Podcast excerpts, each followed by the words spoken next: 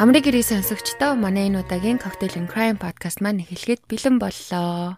Yay! Дугаар эхлэхээс өмнө а уламжлалт ёсороо бид хоёр анхаарал анхааруулга хийлье. Манай подкаст нь насанд хүрсэн хүмүүст зориулагдсан бөгөөд хитэн имзэг, юмнаас амархан айдаг хүмүүс а ер нь бол сонсоод хэрэггүй гэж зөвлөдөг. А гимт хэргийн тухай маш одоо детальчилж цус нүж ярьдаг учраас тэгэж а тэгж сануулдаг байгаа шүү. За тэгээд өнөөдрийн дугаараар манай дулмаа маань гимт хэрэгээ бэлдээд коктейлээ хийсэн байна. Хоёлоо тэгээ коктейлнаас эхлээд ярих уу. За тэгээ да. А энэ удаагийнхаа коктейлэр болохоор бас маш амархан коктейл сонгосон байгаа. А Америк нэр нь болохоор hot toddy гэдэг нэртэй drink байгаа. Маш амархан whisky, lemon juice тэгээд зүгийн бол орсон байгаа. Тэгээ баг зэргийн халуун устай хойлоод уудаг байгаа. Нөгөө дээр нэг ярьжсэн чинь Glühwein гээд нэг германаас гаралтай халуун виноны нэг юм коктейл хийжсэн. Тэрнтэй ер нь жоохон төстэй тийм байгаа. Аа тийм хүсгийн бол бас харцаатай хойлоод ууж болдог тийм байгаа. За нэг юм зуны үед жоохон халуун коктейл сонгочих шиг боллоо. Гэхдээ бас орой нэг юм хүүтэй орой мөрөө хууж байхад бүр амттай юм шиг санагдсан. За, коктейлний хувьд нэг ийм коктейл байна. Сонирхолтой энэ тий цайтай одоо алкогол гэсэн үг үү те? Тий, ер нь бол классик хувилбар нь болохоор цайгүй байдаг. Би хамгийн анхаа тарыг ууж байхдаа дээр үед нэг газар ажиллаж исэн чинь нөгөө ханаа төрхгээ тэгээд манай менежер намайг ёо за чи ястай ханаа төрж болохгүй шүү. Манад хүмүүс амар хэрэгтэй байгаа. Ажлаа дасалж болохгүй. Тийм болохоор энийг уучихыг надад өөр хийж үжижсэн аахгүй юу. Вискитэй, хар цайтай, лимонтой, зүгийн болтой. Тэгснэ газ оошлоод бүр хүслээ гартаа ууч тэгээ чи зүгээр алчин цааягүй. Тэгээ хийж өгөө ууж исэн уусан чинь зүг зүгээр болцсон. Сонирхолтой би болохоор цайтай уужсэн тэрнээс шууган цайг хийдэг юм би лээ. Аа. За маш сонирхолтой коктейл байна. Манай сонсогчид бас ууж үзсэн хүмүүс байх юм бол бид хоёр сэтгэлдээ хэлээрээ сонирхолтой санагдчихэв. За коктейл юм бид юм бийж. Гимт хэргийн тухай ямар хэрэг ярих чинь? За гимт хэргийн тухай бас нэг том хэргийн тухай сонгосон байгаа хүмүүс маш олон сэтгэлгээ сэтгэлдээ ирүүлж исэн хэрэгүүдийн нэгийг сонгосон байгаа. Сонсогчдын маань хүсэлтээр сонгогдсон хэрэг байгаа. Энэ нь болохоор Arthur Shawcross буюу Genesee голын алуурчаа. Тэрний тухай ярихаар өнөд бэлдсэн байна. За тэгээд аа шууд хэрэгтэй орё дөө олон юм ярилгүй те. За тэгээ. За тэгээ энэхүү хэрэг нь Нью-Йорк мужийн Rochester гэдэг газар болсон хэрэг байгаа. Хэргийн эзэн хингэргийн тохир Arthur John Shawcross нь 1945 оны 6 сарын 6-ны өдөр Maine мужийн Kittery гэх газар айлын том хүү болон мэндэлсэн байдаг. А түүнийг баг байхад ээж аав нь болохоор Нью-Йорк мужийн Watertown гэх жижигхэн хот руу нүүн суурьсан байдаг. За тэгээ түүний бага насны тухай гэвэл маш дэлгэрэнгүй мэдээлэл ер нь бол байгаагүй. Гэхдээ ерөнхийдөө ганцаардмал нэг юм байсан гэдэг. А хичээл маш их тасалтай, хичээлдээ ирэхээрээ одоо маш их өмүүлдэг, мөн бусдыг их дээлгдэг нэг юм байсан гэсэн. А тэгээд дунд болон ахлах сургуульд байхдаа хит хитэн удаа хулгай болон одоо танхаа хэрэгт холбогдож байсан байгаа. Тэгээ ер нь бол хичээлд явах сонирхолгүй, үеийнхнийгаа байнга одоо дээрлэж зоддог. Одоо хэрэг төвөгт байнга холбогддог байжгаад 14 наснда сургуулаа хайсан байдаг. Аа тэгээд Arthur болохоор одоо ер нь хүний дундаж IQ нь 90-с 110 байдаг гэж байгаа аахгүй харин Arthur-ийн IQ нь 86 байсан гэж байгаа. Ерөнхийдөө ингээд хичээл академиараа болохоор ер нь нилээ явж чадаагүй. Тэгээд хүүхдүүдтэй үеийнхэнтэйгээ ойлгохтой харьцаж чаддгүй улмаас ингээд сургуулаа хаян гарсан байдаг. 19 настай байхдаа анхны их нэртэйгээ гэрлэн хүүтэй болсон хэдий ч удалгүй салсан байдаг. А яагаад гэвэл 1965 онд айлт хулгаагаар орсон хэрэг толбогдсон их нэртэн таалагдаагүй. Тэгээд ихнэр нь түүнээс салахаар шийдэж Arthur ч гэсэндээ одоо за за салыгээд хоёлаа салсан байдаг. Тэгээ салгахтаа ой 6 сартай хүүгээ асран хамгаалах бүх эрхийг нь их нэртээ өгөөд Түүнээс хойш тэр хоёртой хизээж холбоо тогтоогоогүй. За тэгээ 21 настай байхдаа Америк нэгдсэн улсын цэргийн хүчинд илсэн 1 жилийн хугацаатай Вьетнам руу явсан байдаг. Вьетнамд одоо аль хааж байхдаа яг байлдааны талбарт байлдаж үзээгүй ч гэсэндээ одоо маш хэрцгий тийм аимшигтай зүйл харснаа а одоо цэргээс буцаж хурж ирээд дурдсан байдаг. А тэгээд юу харсан бэ гэхээр Америк цэргүүд нийлэн одоо Вьетнамын биеэ үнэлэгч нарыг хариуцдаг одоо мамасан гэдэг том ээж гэх юм уу та одоо тий тийм эмэгтэй эмэгтэй нарыг одоо хөнөөн толгойг нь тасдан дайсны талд одоо сануулга болон модон татдаг байсан тухай ярьдаг байгаа. Тэгээ энэ мэдээлэл нь болохоор яг 100% үнэн гэдг нь нотлогдоогүй өөрийнх нь зүгээр ярьсан түүх гэх юм уу да. Тэгээ Arthur Вьетнамаас ирээд Оклахома мужид цэргийн ангийн одоо зэвсэгчнэр ажиллаж байхдаа хоёр дахь их нэртэйгээ танилцсан бөгөөд удалгүй гэр бүл болсон байна. За ингээ 1968 онд цэргээс халагдаад шинэ их нэртэйгээ Нью-Йорк мужид руу буцан нүүж ирсэн байгаа. Нью-Йорк мужид ирээд удалгүй хоёр дахь ихнэр түүнээс салга өргөдлөө өгсөн байгаа. А яагаад гэвэл Arthur санаатаагаар галт төмөр дэгдээсэн хэрэгээр 5 жил шоронд хоригдох ял авсан байгаа. Тэгээ хэрэг төвөгтэй холбогдоод ахаар мэдээж ямар л эмгхтэй хүн дуртай байв гэж те. Тэгээд хоёр дахь ихнэр нь түүнээс салах өргөдлөө өгөн тэрээр салсан байдаг. Одоо ингээд залуу наснаас нь одоо харагдсан зүйл нь болохоор Arthur нь pyromaniac буюу одоо санаатаагаар гал төмөр дигдээ түүнээсээ бэлгийн таашаал авдаг нэг юм байсан гэж. Ямар сони. Тиймэрхүү юм сонсч ийсэн гэхдээ яг үгийг нь мэддэггүй байсан чинь pyromaniac гэдэг гинэ. Аа. Галаас таашаал авдаг. За энэ хүү Артер 20-д 5 жилийн ялтаа орсон ч гэсэндээ 1 жил 10 сарын дараа батлан далтаар судлагдсан байдаг. Яагаад тийм эрт судлагдсан бэ гэхээр Arthur-ийн байсан хорих ангид хоригдол нар үүмэн дэгдээсэн байгаа. А тэгээд тухайн үед ажиллаж байсан харгалзагчийг хоригдлуудаас аварч одоо гавья байгуулсан гэх юм уу та. Тийм учраас түүнийг шагнаж гэх юм уу эрт судалсан байгаа. 20 хангаас гараад бага ахтай амьдардаг байсан Watertown хот руу буцаа нүүн суурьсан байдаг. А тэгээ тэндээ очиод удалгүй 3 дахь их нартайгаа танилцсан гэрэлсэн байдаг. Түүний ер нь бол хүн хамгийн анхны хүн амны хэрэг нь 1972 оны 5 сарын 7-нд болсон босно нь 10 настай Jack Blake гэх хүүг модтай газар руу дагуулan явж бэлгийн хүчирхийлэл үзүүлэн боомлж хөнөөсөн байдаг. За энэ хүү 10 настай хүү Arthur-ыг таньдаг байсан байгаа. А тэгээ хүүгийн ээж Arthur-ыг хамгийн түрүүнд сэтгэлсэн байдаг. Яагаад гэвэл одоо хоёр хүүгийг нь гинт одоо загсан давж явъя гэж амар найрсаг зан гаргаадсэн. Тэгээ гинт ингээ миний хүү алга болчлаа гэд энэ гэр бүлтэй ямар холбоотой нь бол яг мэдээлэл байхгүй байсан. Одоо миний бодлоор одоо тэд нар танилуд ч юм уу эсвэл зөвхөн хөршүүд байсан байж магадгүй.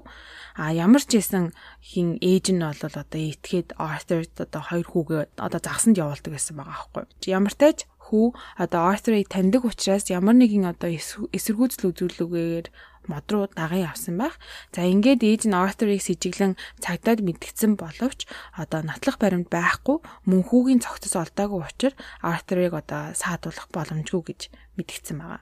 За тэгээ энэ явдлаас хойш 4 сарын дараа буюу 9 сарын 2-нд 8 настай Karen Ann Hill гэх охины цогцос гүүрний дор олцсон байдаг. Охиныг задлан шинжилгээгээр үзэхэд бас бэлгийн хүчирхийлэл амссан. Бөгөөд түүний хоолойны гүнд одоо шавар навч гих мэд зүйлс байсныг тогтоосон байгаа. Бас түүнийг боомлон хөнөөсөн байдаг. За тэгээд сарын дараа 1972 оны 10 сард Arthur-ыг одоо хэрэг болох тухайн үед гүүрэн дээр Karen охинтой явж байхыг харсан гэрч мэдүүлэг өгч Arthur сэржигтнэр татагдан байцаагтаж эхэлсэн байна. За тэгээ охины цогцос олцсон тухайн хэсэг газар нь болохоор Arthur-ийн одоо загасчилдаг газар байсан гэж байгаа байхгүй байнга очиж. Тэгээ Arthur-ыг байцаасан мөрдөгч нь түүний таньдаг мөрдөгч байсан гэж байгаа. Аа тэгээд одоо баг аргадаа чи үнэ хэлчихээ тэгвэл чамд баг одоо баг ял оноо штэ гэсний улмаас Arthur 10 настай Jack болон 8 настай Karen хоёрыг хүчрхийлэн хөнөөснөө илчилсэн байдаг.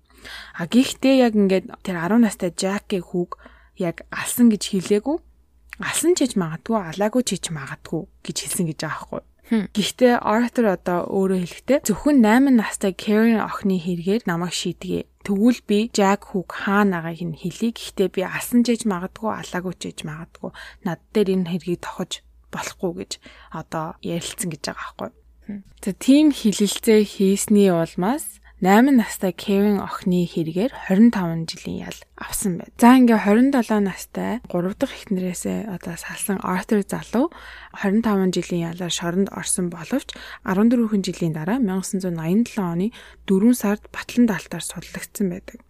А яагаад тийм хурдан судлагдсан бэ гэхээр үлгэр жишээ хоригдогч дахин хэрэг хийх магадлал маш бага гэсэн дүгнэлтээр 52 наснда судлагдсан байгаа гэж аах. Мэдээж түүнийг судлагдахад олон нийт тиймж дуртай хүлээж аваагүй нь ойлгомжтой.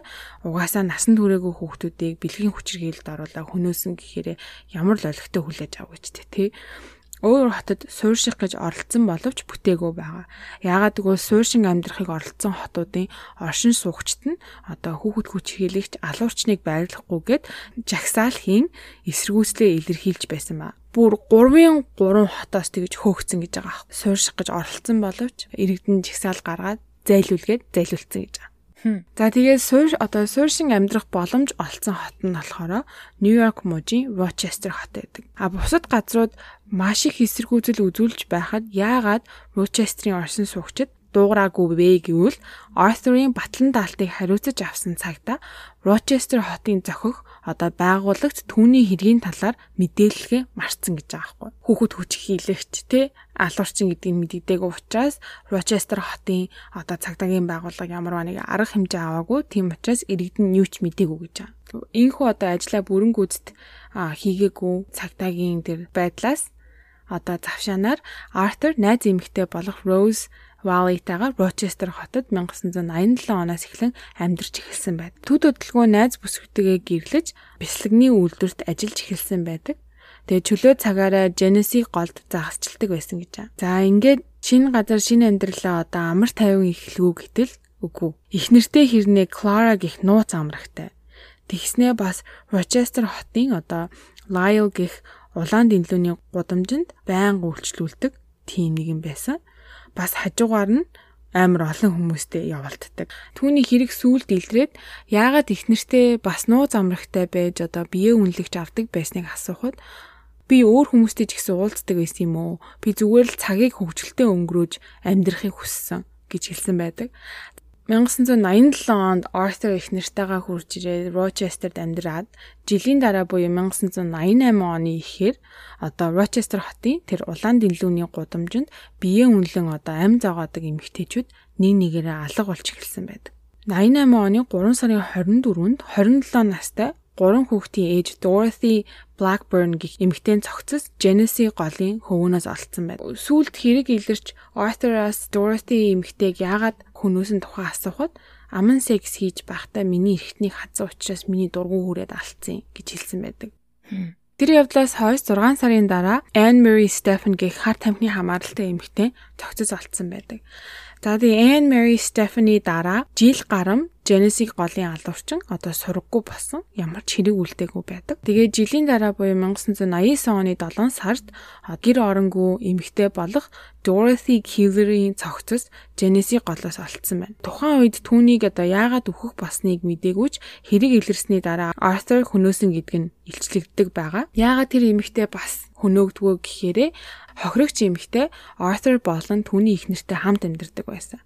Тэгээ гэр орон цэвэрлэг гих мэд жижиг сажиг ажил хийлгэн цагийн 4 доллар 25 цент өгдөг байсан хэдий ч Arthur-ийн итгэлийг алдаж түүний гэрээс юм хулгайлж ирсэн гэж байгаа байхгүй. Тэгээ тэр байдал нь Arthur таалагдаагүй учраас түүнийг хүнээсэн гэж. Ярьслага өгж байхдаа хулгай хийсэн гэ түүнийг алах нь зөв байсан уу таны бодолд гэхэд Arthur надад бол зөв санагдсан.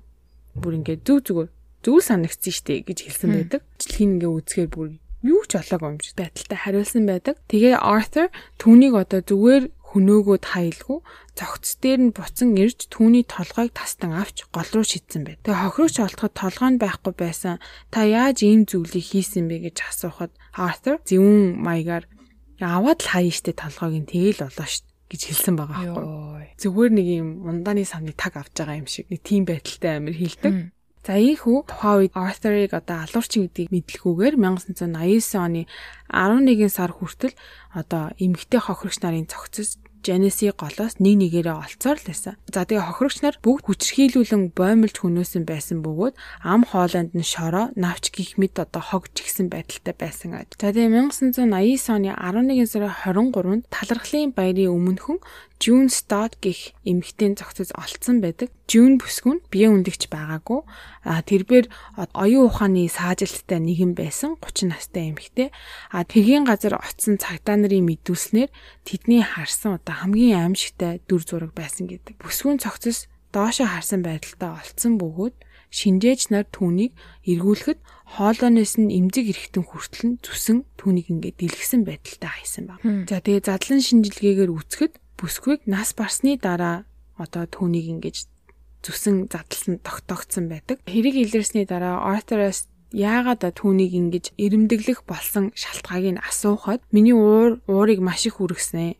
Бид хоёр паркаар хамт алхаад зугаалаад явж исэн мөн галуу шувуу хооллоод үнсэлцэж байтал гинэд босож ирснэ. Би одоо ойрлоо. Би чамайг цагтаад хэлнэ гих мэд зүйл над руу хашгирч эхэлсэн. Миний гинт дургу хүрээд түүний хүзүг тас хугалчихсан. Тэгээ тэнцэнэ харанхуй болтол хажууд нь байж байгаад түүнийг задлаад онгойлгосон. Них гүнзгий дээ. Гэхдээ яагаад тэгснээ би мэдэхгүй байна гэж хариулсан байгаа. За ингээ Arthur баригдахгүй явсаар мэдээж илэрч байгаа хохирогч болгоны одоо цогцос бүр ингээд одоо хүндрээд штэ тий. Тэгэнгუთ Rochester хотын цагдаагийн байгууллага ерөөсөө одоо холбооны мөрдөг товчоогоос тусламж хүсийгээд FBI-аас тусламж хүсэн мэрэгчлэнүүд ирсэн байдаг. За тэгээд холбооны мөрдөх товчооны мэрэгчлүүдний тогтоосноор алуурчин бол биеийн үнэлэгч нарыг байнга үйлчлүүлэгч. Яагаад гэвэл гадуур угаасаа аимшигтай алга болж байгааг хүн болгон мэдж байгаа.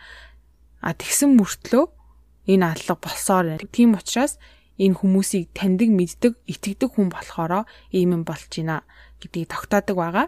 Бас ингээд цагдаа нарын нэг алдсан зүйл нь болохоор одоо нууц ажилтнуудыг энгийн иргэн болгон явуулсан байгаа. Тэгсэн хэдий ч хэргийн талаар хамаагүй ярьж исэн гэж байгаа хгүй тэр цагдаагийн ажилтнууд. Мөн гудамжны буланд байдаг Dunkin Donuts гих одоо цагдаа нарт одоо үнгүү донот болон кофе өгдөг тийм шоп байдаг. Тэр шоп дээр Arthur байнга очиж одоо кофе авдаг байсан гэж байгаа. Тэгээ орж гарахтаа дандаа цагдаа нартай таардаг. А тэгээ тэр цагдаа нар нь хоорондоо нөгөө Genesis голын алуурчны талаар одоо жавхал мэдээллийн талаар ярьж байсныг Arthur сонссон байгаа хгүй. Тэгээ сүүлд нөгөө хэрэг илэрсний дараа ярилцлага өгж явахдаа өөрөө хэлсэн байдаг. Тэр цагдаа нарыг хараад үнэхээр миний инээд хүрсэн. Тэр нууц цагдаа нь бүр харвас шин цэвэрхэн гутал хувцастай явж байсан.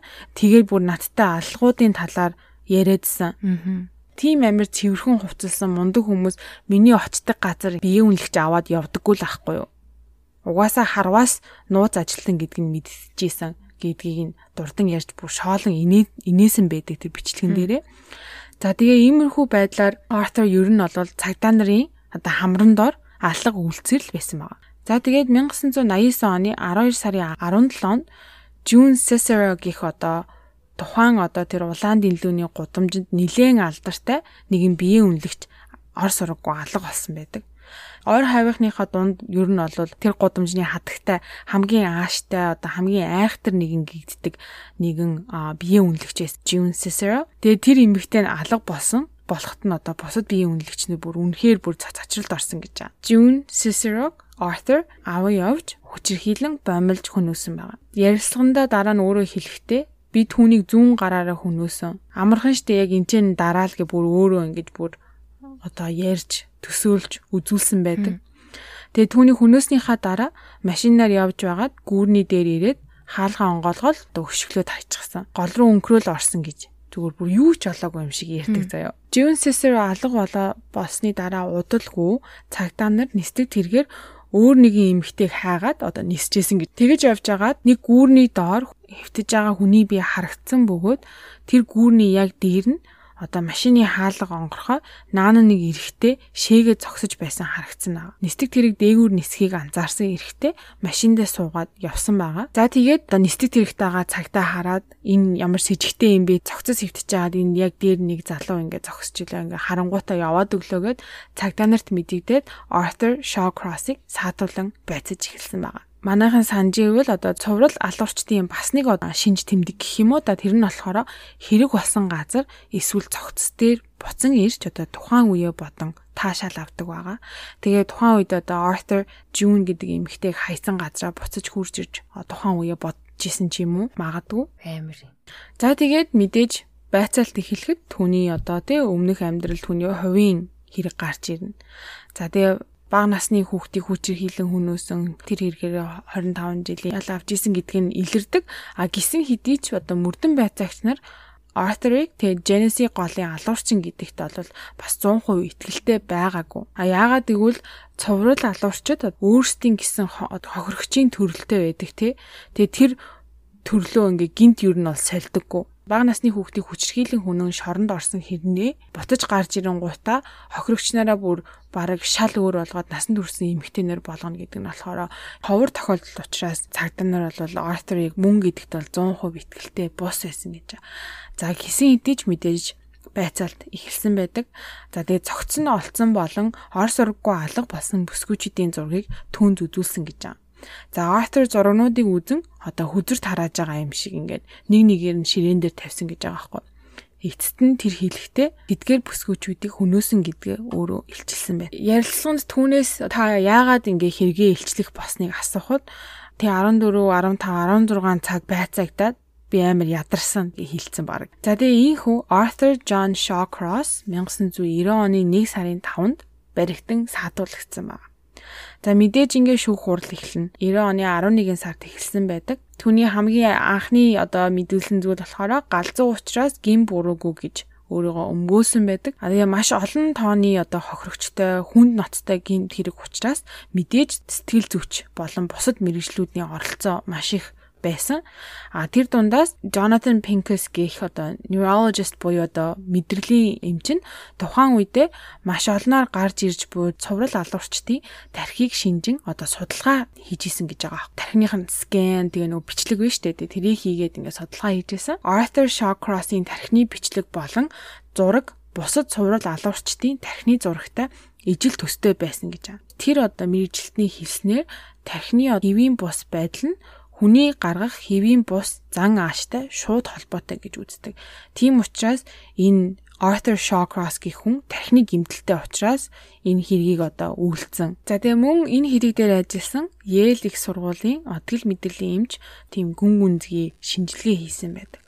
Тэгээ түүний бүр баг нас одоо үтсэн тулсан амьдралын талаар детальчилж одоо асууж шинтсэн байгаа.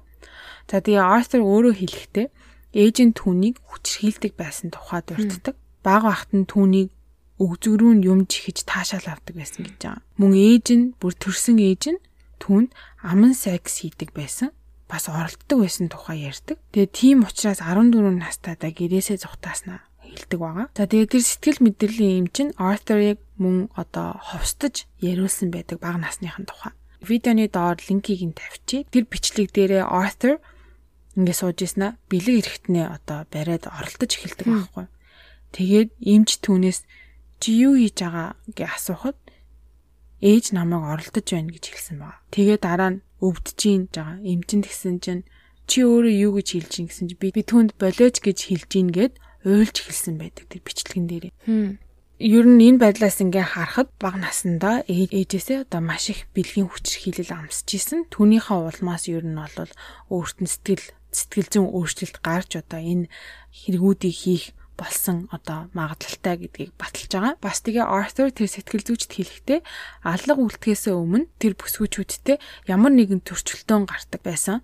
А тэгээ уур нь хурч тэр уураа дийлэлгүй гинт нүд нь ингээд тод цагаан гэрэл харж харж эхлээд ингээд ухаан санаагаа алчдаг байсан гэж байгаа байхгүй. Гээ сэрхэд хажууд нь бүсэн бие цогцос хөвтчихийдэг байсан.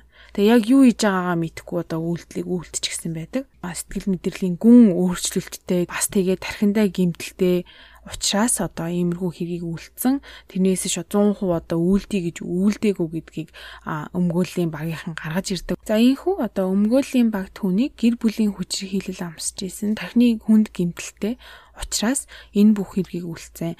Тиймээс Arthur-ийн ял одоо шоронд бус одоо сэтгцэн имлэгт байх ёстой хэмээн өмгөөлсөн байдаг.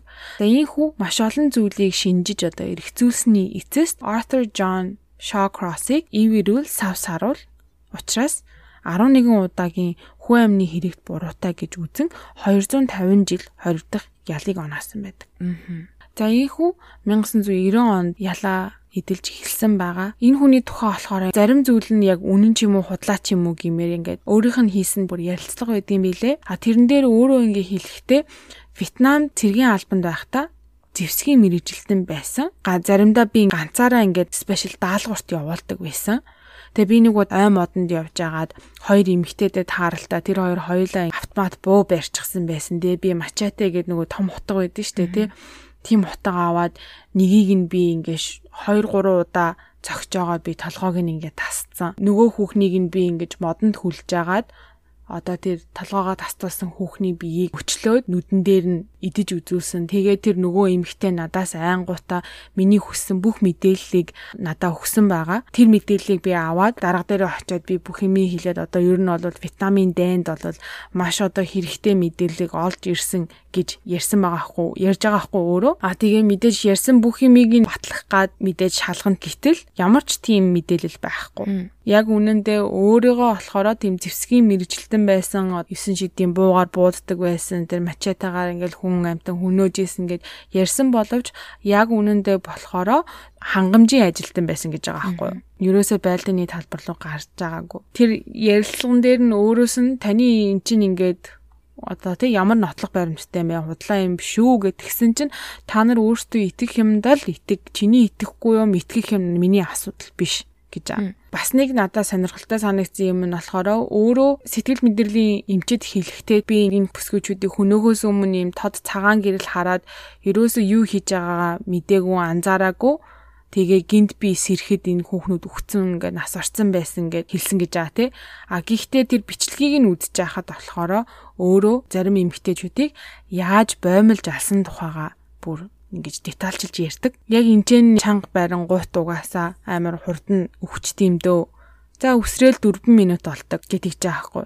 Тэгээ та тэр хүмүүсийг яаж одоо нас орсон гэдгийг нь мэдх юм, ухаан алдсан байх юм уу, нас орсон гэдгийг нь яаж мэдж байгаа юм бэ гэхээр цаанаа өөр эдийн чи зүгээр мэддэг л ахгүй юу. Тэгэхээр одоо бас яг хөө сэтгэл санааны өөрчлөлттэй, тархины гэмтэлтэй ч гэсэндээ яг энэ бүсгүүчүүдийг хөнөөхөөсөө өмнө бол ухаан санаагаа алдсан гэдэг нь бол худлаа юм шиг надад санагдсан. Тийм байх тий. Бас нэг шинж тэмдэг нь болохоор урд урдны хэрэгүүдээр ярьжсэн шиг ихэнх цуврал алуурчид классик шинжүүд нь гарч ирж шít. Техник гэмтэлтэй бага насндаа амсан хүч хийллээс болоод сэтгэл санааны өөрчлөлттэй бас дээрэс нь галт амар татагддаг те галт төмөр ээж нь одоо бага ахт нь бэлгийн хүчээр хийлэл амсуулдаг байсан тухай болохоро ээж нь 100% үгээсгдэг. А тэгээ Артер өөрөө хэлэхдээ одоо тэр ярилцсан дээр асууж байгаа байхгүй юу? Ээж чинь ингээд үгээсгээд байна. Энийг одоо яаж натлах вэ гэсэн чи Артер хэлэхдээ тийм юм хийчээд хийсэн гэд хинч хэлэхгүй штэ ойлгомжтой. Тэгвэл таныг одоо тийм хүчрхийл ламсан гэдэг эмнэлгийн одоо бичих юм уу нотлох баримт юм ямарваа нэг юм байхгүй. Та тэрийг одоо үүнийг одоо юу гэж тайлбарлах вэ гэхэд Артер ингээд жоохон уурлаад ундууцаад бэлгийн хүчрхийлэл үзүүлчихэд хүүхдээ эмнэлэгт дагуулад явж явна гэж одоо юу. Би амлсан зүйлээ мэдчихээн. Яагаад гэвэл би тэнд өөрөө байсан хинж байгаагүй. Мэдээж нотлох баримт байхгүй. Угаасаа ойлгомжтой штеп гэд амар уурлаад унтуучаад хэлсэн байдаг. Ямар ч нотлох баримт байхгүй ч гэсэндээ би өөрөө бодох нь Arthur бага ахта орондоо маш их шийдэг байсан гэж байгаа. Тэр чинь болохоор ер нь бол трама амссан, тэг хүчрхийлэл амссан ямарваа нэгэн сэтгэл зүйн одоо тайван бус байдалтай хүүхдүүдийн нэг шинж тэмдэг штэ. Аа Тийм болохоор ээж нь бол хүчрхийлдэг нь үнэн байсан байх гэж би ер нь дүгнэлтэнд хүрсэн. За тэгээ энэ хүү 250 жилийн хоригдох ял аваад 18 жил хоригдож 2008 оны 11 сарын 10-нд түүний зүрх зогсон нас орсон байт. Яг яагаад энэ бүсгүүчүүдийг хөнөөх болсон талаар болохоор өөрөө ч гэсэн маш олон төрлийн юм хэлсэн, бас хүмүүс ч гэсэндээ маш олон таамаглал гаргаж ирсэн байдаг. Байдаг. Тэгээ өөрийнх нь хэлсэн нэг юм нь болохоор одоо тэгээ байнга нөгөө биеийн үнэлэгчнэр дээр очиж үйлчлүүлдэг байсан гэж тэгсэн штэ. Тэгсэн чинь тэр биеийн үнэлүүлэгч нарын нэг нь түнд доох өгчихсөн. Тэгээд уурандаа одоо унтсан бүх бүсгүүчүүдээ одоо алж эхэлсэн гэж өөрөө хэлсэн байгаа. Гэхдээ тэр тухайгаа ерөөсөө өмгөөлөгч юм уу цагдаа нарт ерөөсөө мэдүүлээгүй. Өөрөө зүгээр ярьсан. Тэгээ дараа нь ингээд олон жил хоригдсны дараа ярилцлага өгч явахдаа үнэн ч юм уу худлаа ч юм уу мэддэхгүй те нэг юм хүмүүсээс нэг реакц авах гэсэн ч юм уу тэр нь бол яг тийм нотлох баримт байхгүй доох авсан гэдэг нь шоронд орохт нь уул нь мэдэгдчмээр энэ чинь уул нь харин тийм энэ төр хийдэг үстэй. Энэ хүний ер нь бол хэрэгт маш олон цагдаа нар мэрэгчлэтнүүд жоохон ажиллаа хойрог хийсэн юм шиг харагдсан. Тийм учраас бас нэг ажилтан таарад хийгүү ч юм уу мэдэхгүй. Гэхдээ энэний талаар болохоор яг юм 100% бол мэдээлэл авахгүй зөвхөн өөрийнх нь хэлсэн л юм би. Үнэн худлаа нь мэддэхгүй тий. Бас тэгээ тэр бичлэгэн дээр өөрөө хэлэхдээ тэр хүүхнүүдийг ингээ хөнөөж явж байхдаа гурван эмэгтэй бэлэг эрэхтнийг эцсэн гэж хэлсэн байдаг. Гэтэ тэр нь үний муудлаа ам мэд. Тэр одоо бүр ханибал болоо явчих юм уу? Тэгээ тэр нь болохоор үний муудлаа бол мэдэхгүй. Тэгээд 27 настай даа нөгөө хоёр жоохон хөөхөд хүнөөсөн шүү дээ 10 настай Jack тэгээд 8 настай Karen гэд. Тэгээд энэ ярилцлаган дээрээ тэр хэрэгүүдийн тухай асуухаар би энэ хэргийн тухай ярихгүй гэж хэлээд тэ. Хэрвээ чи надад дахиад энэ хэргийн тухай ганц л асуулт асуух юм бол энэ ярилцлага одоо ингээ үргэлжлэхгүй шүү гэд амар ууралж исэн байдаг. Тэгээ би ингээд хальт ингээ харахаар тэрнээсээ одоо ичт юм уу санаа зовд юм уу дараа нь одоо харамсаж явдаг ч юм уу гэж амар тийм бодол төрсөн. Аа бас нэг сонирхолтой нэг юм нь болох. Энэ одоо бүх хэрэг илрээд Arthur шоронд сууж байхад Maggie Damon гих 40 настай эмэгтэй түнтэй холбоо барьсан байдаг. Тэр нь юу гэхээр Arthur 40 жилийн өмнө Хавайд явж байгаад нэг эмэгтэйтэй учир ургуулад одоо ганц хүнийг өнгөрөөсөн юм шиг байгаа. Тэгээд тэр эмэгтэй жирэмсэн болцсон. Arthur-ийн охин. Йоо. Тий, та миний аав гэд болоод ирсэн гэж аах. Тэр эмэгтэй бас ярилцлага байдгийн эцэг чинь цоврал алуурчин гэхэд та яаж хүлээж авсан бэ? Итгэлтэй байсан уу гэсэн чинь хийсэн хэрэг нь муухай ч гэсэндээ үнэхээр миний эцэг би насаараа эцэггүй явсан болохоор ямар ч хүн байсан хамаагүй уулзахыг хүссэн гэд очиж уулзсан байгаа аахгүй юу? Тэгээд нас бартал нь ер нь бол хүүхдүүдтэйгээ хамт очиж уулзаж чиний өвөө мөвөө гэж уулзулдаг байсан гэж байгаа аахгүй юу? Тэгээ ярилцлаган дээр нь Arthur-аас та өөрөө охинтой гэдгээ мэдчихлээ бас Зенертэй гэдгээ мэдчихлээ. За тэр Watertown-д болсон хоёр жоохон хүүхдийн аллах таны зээ хүүхдүүд чи ийм юм тохиолдвол яах вэ гэсэн чинь хууль өөрөө шийдэх байлгүй дээ гэж хэлсэн байдаг. Гэхдээ танд ингээд ямарваа нэгэн уурлах, харамсах мэдрэмж төрөхгүй юу? Та тэр одоо алуурчин яаж одоо шийтгэх ёстой гэж бодож ийн гэхээрээ гэсэн чинь мэдээж би уурлна мэдээж би юм мэдрэн гэдэг жаахгүй тэгсэн чинь нөгөө ярилцлага авч байгаа хүн нь тэгвэл та тэр хөнөөсөн хүмүүсийнхаа гэр бүлийн тухай бодож үзсэн үү? Гэхэд би хэлсэн штэ миний дотор нэг юм нэг л юм өөр. Би тэр хүмүүсийн тухай бодож харамсдаггүй. Би хийсэн зүйлийнхаа ганц чимэн дээр би харамсдаггүй. Гэхдээ би хүүхдүүдтэй хайртай гэж хэлсэн байна. Ёо ямар аим за нэг ийм хэрэг байна би энэ хэргийн тухай ерөөсөө ер нь бол үнэндээ мэдж байгаагүй сонсож байгаагүй мэн. Яг нь нэрийг сонсч исэн. Гэхдээ ерөөс хэрийг нь ерөөсөө ингэж хальт ч гэсэн ерөөсөө сонсож байгаагүй. Тэгээ ингээд маш олон олон ч байх үедээ маш тийм урт хугацааны тийм бичлэг өгсөн ярилцлагууд нь байдгийн байлээ. Тэгээ ингээ харахаар бас үнэхээр бага насныхаа хүчээр хийллээс болоо сэтгэл санааны өөрчлөлтөнд ороод Richard Ramirez шиг бага ахта тархинда гимтэл авч исэн ч юм уу, унж исэн ч юм уу одоо ямар ч тийм нотлох барин байхгүй ч гэсэндээ тийм болж исэн юм шиг байгаа. Тэгэл нэг ийм аимшигын хэрэгүүд үйлцсэн юм шиг надад санагдсан. Яг нөгөө классик цоврал алуурчин байгаа хгүй. Тийм байна. Бүх шинж тэмдэг байгаа зү тэ. Тийм байна. Би энэ хэргийн тухай чамайг яриад эхлэхэд таньсангүй л дээ. Тэгээ сүүлд нь нөгөө нэг деталууд нь гарч ирэхээр саналаа нөгөө Netflix дээр бараг 2 энэ 3 жилийн өмнө яг энэ хүний ярилцлагыг үзчихсэн санагдаж байна. Яг өөрөө Оо за. Өөрөө яг ярьсан тий. Тэгээ дээрэс нь бас нөгөө Criminal Minds гэдэг вебсайт дээр ингэсэн байна л да. Энэ одоо бас үний юм уу худлаа юм уу бас мэдэхгүй л байна л да. Тэгсэн чи 9 настай байхдаа наагц их чинь өөр дээр нь аман секс хийж өгч исэн. Тэгээ дээрэс нь бас өөрөө төрсөн эмэгтэй дүүтэй юм биш үү? Тэр тэр эмэгтэй эмэгтэйдүүдтэйгээ дунд ангитай байхасаа эхлээд бэлгийн харилцаанд ордог байсан тухай бичсэн байна.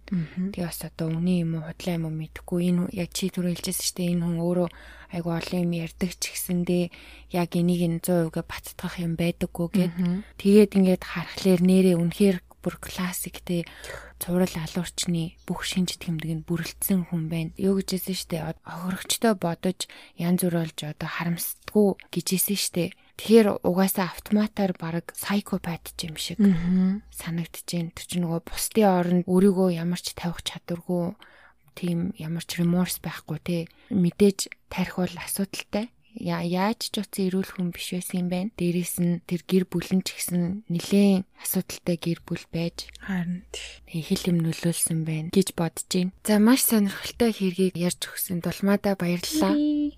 За тэгээд уламжлалт ёсоор гэдэг шиг бит хоёрын хэргийн тухай баримт янз бүрийн бичлэгнүүд энтрээ доор description хэсэгт линкийг тавьчих. Та хэд маань бас ороод сонирхоод үзээрэй. За дээрэс нь бит хоёрт бас нэг мэдээллийн чанартай юм байна л да. Тэр нь юу вэ гэхээр яг энэ дугаар ордог өдөр бит хоёрын подкаста хийж эхэлсний яг 1 жилийн ой болж байгаа. Тийм учраас бит хоёр хэсэг хугацаанд төр завсарлахаар болсон. Мэдээж удахгүй буцаад хүрээд ирнэ. 1 жил гэдэг чинь бас баггүй хугацаа өнгөрсөн байна. Бит хоёроос а саяхан яриа суужсэн маш хурдан болоод өнгөрчлөө. Тэгээд нэг жилийн хугацаанд бүр анханаас нь сонссон ч бай, сая сүүл сонсч эхэлсэн ч бай. Бүх сонсогчдоо маш их баярлалаа. Бид хоёр та эдийнхээ одоо урмын үгээр л ер нь бол явсаар байгаа л ирлээ гэдэг шиг. Тэгээд цаашдаа ч ихсэн хоёр сонирхолтой хэрэгүүдийн тухай бэлтгэж хөргөх болноо. Тийм болохоор хэсгийн завсарлаад ороод ирэхэд хөрхөн байж байгаарэ гэхгүй юу. Манай гэхдээ байж ах ах уу гэхгүй юу. Угаасаа манай хэд чи хэн бэлээ толмоо MVP аа